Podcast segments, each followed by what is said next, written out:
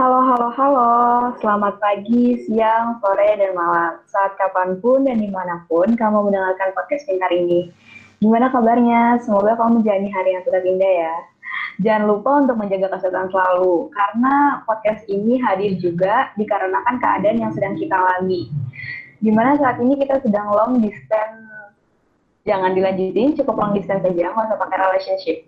Maksudnya saat ini kita lagi masa pendidikan jarak jauh, atau biar cepetnya sih biasa disebut PJJ.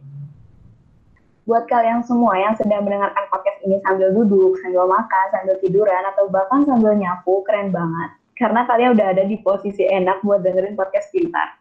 Yang belum, boleh banget untuk cari tempat dan posisi paling nyaman kamu buat dengerin um, kayaknya dari tadi aku ngomong mulu, uh, tapi kalian belum kenal nih.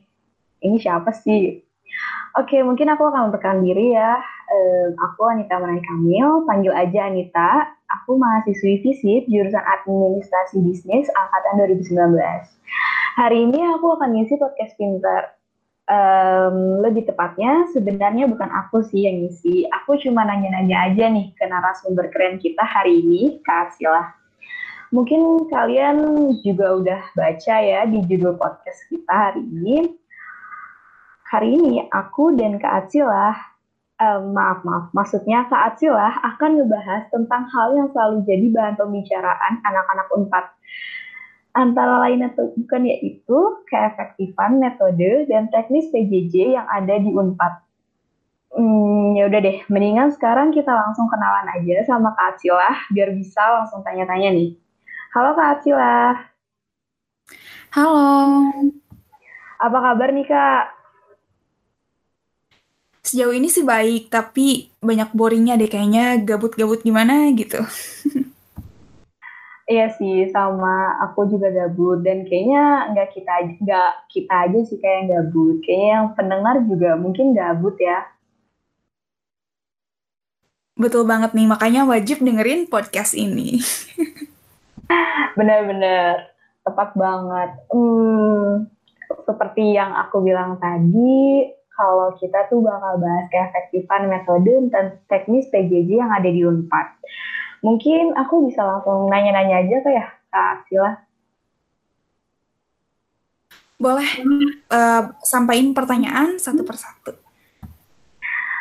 Um, Kak Sila, kalau menurut Kak Sila, apa sih teknis PJJ? Um, dua, tiga. Kalau menurut Kak Acilah, apakah teknis PJJ di UNPAD saat ini sudah bisa dikatakan efektif? Terus Kak Acilah bisa nggak sih kasih komentar alasannya kenapa?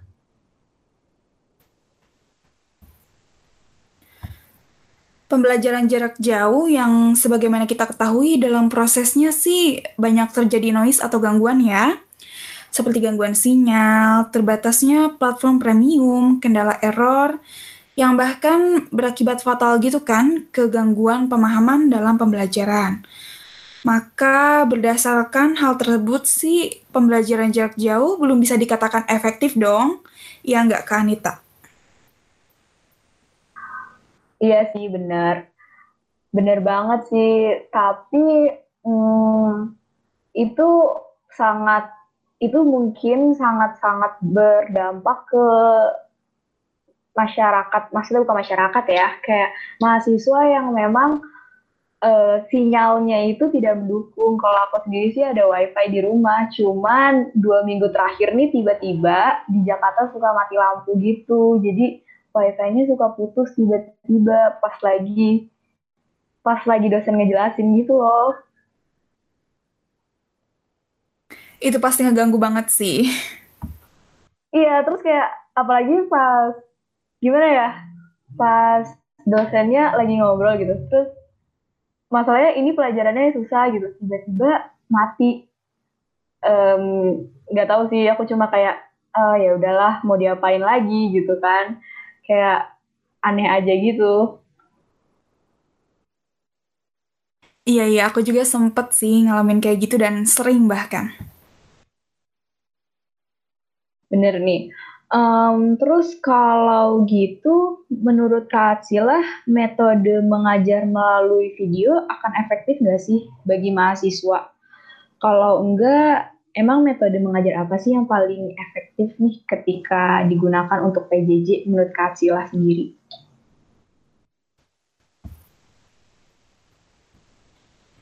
Jika mengandalkan video saja, mungkin belum sampai ya rasanya pada tahap pembelajaran efektif nggak sih?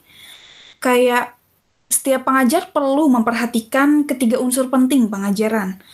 Ada teks, video, sama tatap maya. Karena teks yang kita baca sebenarnya bisa kita pahami sih, namun beda dengan praktik yang akan kita hadapi, tentu tidak bisa sekedar mengandalkan teks yang diberikan doang gitu. Karena kiranya pengajar perlu memberikan video yang mampu menunjang pemahaman dengan mengupload penjelasan materi pada YouTube tuh misalnya dengan nantinya diskusi atau pertanyaan disampaikan di platform tatap maya seperti Zoom Meeting atau Google Meet dan lain sebagainya. Pembelajaran efektif tentu berbicara bagaimana kita menciptakan rasa komunikatif antara pengajar dengan mahasiswanya. Jangan sampai ini rasa komunikatif itu turun bahkan hilang kayak hubungan siapa tuh ya. Canda ya kak. Sekali lagi, saya tekankan bagi pengajar kiranya perlu membuat hubungan saat uh, membuat uh, video seakan-akan beliau menyampaikan materi di depan mahasiswanya dengan nantinya tanya jawab uh, akan dibuka di platform tatap maya selanjutnya. Maka teks yang kita dapat memiliki tujuan untuk mengulang materi yang sudah disampaikan dengan tidak lupa mengingatkan bahwa teks bukan menjadi bahan ajar utama bagi mahasiswanya. Karena itu sering terjadi rupanya. Betul gak? Betul kak, betul betul. Karena juga biasanya banyak juga dosen yang udah aja kasih teks gitu, termasuk dosen aku juga gitu. Padahal aku orangnya kalau yang digituin malah merasa nggak diperhatikan jadi kayak aduh males deh gitu kak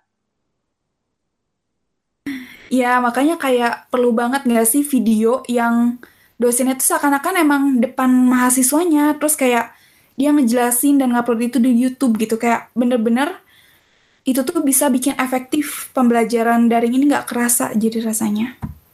Hmm, gitu ya kak. Um, jadi uh, dosennya itu membuat video terlebih dahulu dan kemudian di, uh, dibagikan kepada mahasiswa-mahasiswanya. Habis itu nanti untuk uh, jam matkulnya itu baru ruang diskusi terkait video materi tersebut ya kak?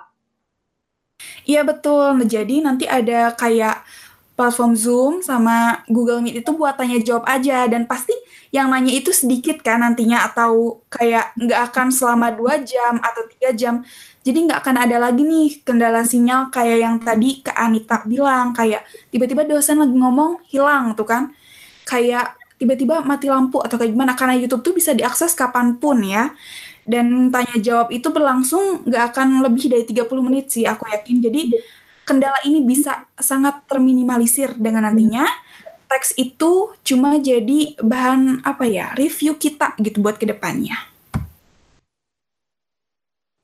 Oh gitu kak. Um, kalau gitu um, video yang kak Atsilah mungkin idealnya itu video yang seperti apa ya kak? Apakah videonya itu akan sama aja kayak ketika dosen mengajar di Zoom meeting ataukah mungkin videonya itu ada penambahan bumbu-bumbu lain biar lebih menarik kak? Nah ini bumbu-bumbu menarik ini penting sih. Jadi uh, nggak yang monoton bisa juga kayak ditambah ini. Kalau misalkan yang aku kerasa di jurusan aku tuh ada mata kuliah kayak statistik dan itu tuh kayak pusing banget kan kayak kalau misalkan cuma dikasih teks. Nah, jadi kiranya dia tuh kayak bener-bener perlu ngitung sesuatu tapi yang dipraktekin gitu. Atau bisa jadi juga kayak dia tuh menggunakan suatu software tapi bener-bener kayak dipraktekin gitu dari step by stepnya nggak sekedar cuma ngasih teks doang sih kayak gitu. Oh iya bener paham paham kak. Hmm, tapi uh, gimana ya kak? Ada nggak? Uh,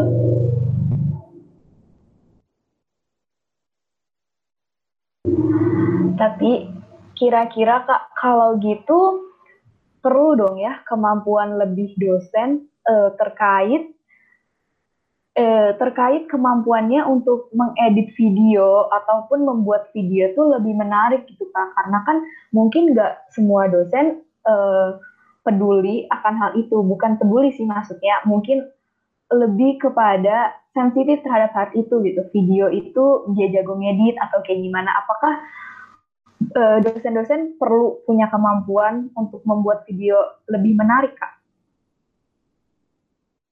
Sebenarnya tidak semua hal harus uh, dosen bisa gitu ya, karena mungkin saya juga mengerti adanya keterbatasan usia yang mungkin agak lambat untuk menerima sesuatu yang baru, apalagi kayak teknologi gitu kan. Jadi kenapa uh, nggak ada apa ya kayak tenaga baru gitu untuk yang khusus edit video mata kuliah sendiri gitu. Kayak harus dibentuk suatu tim yang benar-benar khusus buat bikin video itu menarik gitu. Dan nantinya jadi saling bekerja sama. Ada lahan kerja baru buat orang-orang yang emang mungkin ada yang berhenti karena pekerjaannya karena corona. Itu tuh bisa jadi mungkin banget gitu di masa kayak sulit kayak gini tuh sangat membantu bagi kedua belah pihak. Seperti itu sih. Oh iya sih benar setuju. Pasti kan uh, banyak juga ya orang-orang uh, orang -orang yang sedang mencari pekerjaan di grafik desainer segala macam itu ya kan itu bisa dimanfaatkan banget tuh buat Unpad mungkin bisa ngebentuk tim yang memang khusus seperti Kak Acila bilang tadi uh, fokus bukan fokus ya istilahnya kayak ngebuat media agak media pembentukan video itu gitu. Betul banget tuh. Hmm, siap siap. Soalnya tadi aku sempat kepikiran sih Kak. Mungkin kalau misalkan videonya dikasih di luar jam matkul ya namanya mahasiswa kan kita ada yang ada yang ada yang ya gitu deh kak. Ada yang aware atau enggak gitu. Mungkin ada yang memang memperhatikan ada yang enggak gitu. Jadi kalau misalkan videonya sama aja seperti yang ketika dosen menjelaskan di zoom kan berarti tidak ada yang beda ya jadi emang videonya itu harus dibuat menarik dan kan nggak semua dosen itu memiliki kemampuan seperti itu. Jadi emang perlu nih dibentuk tim untuk membuat video aja tuh menarik seperti itu ya kak. Betul sekali. Oke oke. Hmm, di dalam esai tentang PJJ yang telah Kak Acilah kirim ke tim podcast podcast Pinter, sempat menyebutkan nih bahwa SOP harus segera dibuat untuk mengatasi permasalahan teknis tersebut. SOP yang seperti apa sih yang Kak Acila maksud? Um, terus gimana tuh cara menerapkan SOP-nya Kak?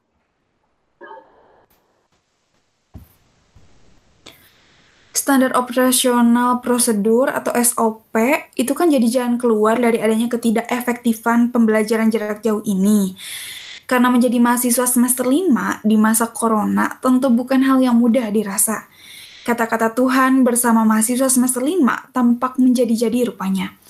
Karena di semester ini ada banyak materi yang perlu banyak praktik rupanya, namun kadang bahan ajar yang kita dapat hanya sekedar teks dan jurnal rujukan saja, maka harus segera dibentuk tuh uh, apa ya standar operasional secara tertulis terkait bagaimana teknik mengajar yang baik serta menyajikan bahan ajar yang menarik yang seperti udah disinggung tadi itu sebelumnya. SOP tersebut tuh berisi tentang apa sih? Tentang panduan pelajaran, pelaksanaan metode pembelajaran yang meliputi penyampaian materi, diskusi, presentasi, serta pembelian tugas uh, dengan menggunakan media teks, video, dan tetap maya. Tapi syaratnya itu tentu harus menarik semua itu tuh. Uh, maka itu jalan keluarnya menurut saya. Oh, seperti itu Kak. Dan SOP itu memang menurut Kak Alcila diperuntukkan untuk uh, tim pengajar Kak, dosen gitu ya? Dosen aja. Betul. Betul. Karena di sini pengajar itu harus lebih aktif dari uh, meskipun keduanya harus sama saling bekerja sama, namun di sini pengajar itu sebagai penyampai pesan dan kita tuh sebagai penerimanya nantinya. Maka perlu persiapan lebih lah kasarnya seperti itu. Hmm, baik baik. Um, terus Nah, uh, aku paham nih ide dari Kak Atsila ini memang unik dan keren juga ya, gitu. Tapi aku mau nanya sih Kak, kalau uh, ini kan mungkin dari dari sisi pengajar ya, mungkin kalau dari sisi mahasiswanya sendiri Kak, atau uh, kalau Kak Atsila yakin Kak dengan metode ini mahasiswa bakal lebih lebih perhatian lagi terhadap pembelajaran online ya gitu kak? Menurut saya bakal tertarik karena video yang menarik itu kan ya. Terus karena kita diberikan tugas kan nantinya, namun syaratnya juga tugasnya ini harus secara sederhana gitu, kayak bener-bener mereview YouTube yang tadi itu. Jadi mau tidak mau dong, kayak kita tuh harus nonton. Ya itu tapi syaratnya harus menarik biar keduanya juga apa ya saling dosennya senang materinya dipahami oleh mahasiswanya pun mahasiswa senang mendapatkan ilmu baru yang seharusnya memang mereka pahami seperti itu. Oh gitu ya kak. Hmm. Um, kira-kira uh, berarti kalau emang nih ngebentuk tim uh, seperti yang Kak Cila bilang juga ya tadi kan uh, mungkin untuk membuat video yang menarik itu kemampuan dosen tidak bisa dipaksakan ya gitu. Um, jadi perlu dibentuk tim. Tapi kalau memang uh, kita dosen uh, bertumpu sama dosen saja gitu, dosen saja yang membuat video lebih menarik, uh, di, uh, mungkin bisa juga nggak sih kalau misalkan Unpad sendiri memberikan pelatihan gitu untuk uh, pembuatan desain apa untuk ya itulah pelatihan yang berkaitan dengan membentuk video kreatif atau atau pelatihan juga untuk bagaimana sih memang caranya untuk menjadi pembelajaran itu menarik seperti itu kak. Kira-kira gimana tuh kak? Betul banget sih, kayak nggak semua dosen tuh uh, apa ya usianya tuh bahkan ada yang masih muda nggak sih. Nah masih banyak yang bisa menerima, namun kadang belum bisa gitu untuk sampai pada pengeditan video yang menarik. Maka uh, apa ya kayak pelatihan kayak gitu tuh penting sih sebenarnya diadakan juga. Namun bagi yang tidak bisa untuk memahami itu pun kita udah punya timnya gitu loh. Meskipun semuanya juga akan diajarkan gitu untuk mempunyai basic edit yang baik itu kayak gimana gitu. Oh baik sih kak, aku setuju juga sih memang kalau kita tuh uh, harus ada SOP untuk mengajar karena uh, ya ya namanya jurusan ya dosennya bermacam-macam juga gitu kan. Uh, kita tidak bisa juga menuntut setiap dosen itu untuk memiliki cara ngajar yang menarik atau semua dosen itu peduli gitu kan. Ada yang memang bodoh amat gitu ya, ada yang masuknya pas mau deket-deket UTS aja ngasih bahan-bahan UTS gitu kan kayak what? Jadi selama ini saya belajar apa? gitu kan tiba-tiba sudah ada UTS itu kan sering uh, bukan sering ya mungkin lumayan banyak sih ditemuin karena aku juga beberapa dosen ada. Oh. Mungkin nggak cuma aku sih ada pendengar yang lain juga mungkin sempat merasakan kan Betul banget, jangan kan pendengar pun saya merasakannya, Kak Anita. Iya, benar-benar. Hmm. Um, Kak Cilah, kalau dari sisi unpadnya sendiri, um, tadi sih Kak Cila udah bilang ya, kalau di unpadnya masih buat tim dan mungkin juga ada pelatihan dan pembuatan SOP gitu. Tapi kalau dari Kak nih, upaya apa yang harusnya segera dilakukan dari pihak UNPAD untuk meningkatkan efektivitas PJJ saat ini? Jawabannya ya apa ya? Ya segerakanlah pengeluaran SOP gitu. Karena dengan ditetapkannya secara tertulis terkait bagaimana teknik mengajar yang baik, nanti uh, akan apa ya mengikuti gitu yang lainnya tuh maka SOP ini benar-benar harus dikeluarkan secara segera gitu terkait tiga media tadi yaitu teks, video, dan tatap maya. Yang menarik ya tentunya. Iya, berarti lagi-lagi digarisbawahi yang menarik ya.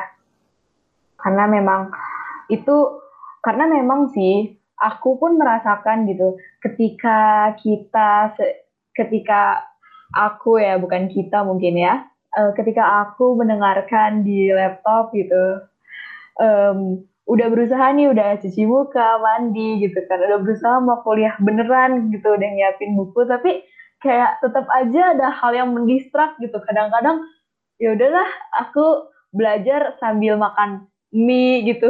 Itu hal-hal yang mendistrak itu juga banyak sih yang kayak gitu gitu. Padahal sudah niat juga kayak aku mau beneran kuliah gitu. Tapi ada aja gitu. Dan biasanya ya kayak gitu tuh terjadi karena dosennya itu cuma satu arah gitu loh, satu arah dan penjelasannya flat banget gitu loh kak. Dan kita tuh cuma lihat dia atau sebenarnya bukan lihat dia bahkan. Eh bukan lihat beliau maksudnya ya. Bukan lihat beliau tapi lihatnya powerpoint dari dosen sendiri gitu. Jadi kayak cukup ya aku sendiri orangnya memang belajarnya itu tipe yang visual gitu ya, bukan vis, uh, bukan teks. Dan aku bahkan dibanding teks lebih suka mendengarkan dibanding baca langsung gitu. Jadi emang sih aku pun merasa kalau misalkan video yang menarik itu video menarik dan teks itu tuh gak langsung di teks yang itu tuh nggak langsung diberikan aja gitu ke mahasiswa gitu. Tapi memang itu tuh sebagai review dan video menarik sebelumnya yang men-trigger gitu. Gitu sih ya kak. Iya, karena nanti jatuhnya kalau misalkan terus-terusan gitu kayak dengan keadaan yang seperti ini, tetap aja kayak jatuh ujung-ujungnya kayak baik pak, siap pak, terima kasih pak, nggak akan ada lagi gitu kayak pemahaman-pemahaman ke depannya seperti itu. Eh, itu benar banget sih kak poin itu ya. Uh, apalagi dosen yang yang ya udah dari awal sampai akhir tuh flat aja gitu ya ngejelasin powerpoint gitu.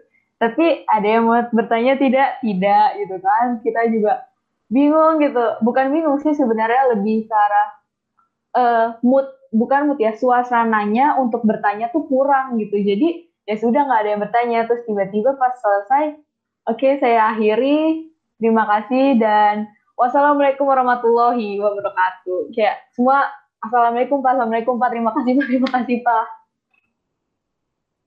Tidak bertanya karena tidak membaca soalnya. iya sih itu benar juga kak, benar juga sih. Bingung gitu kan.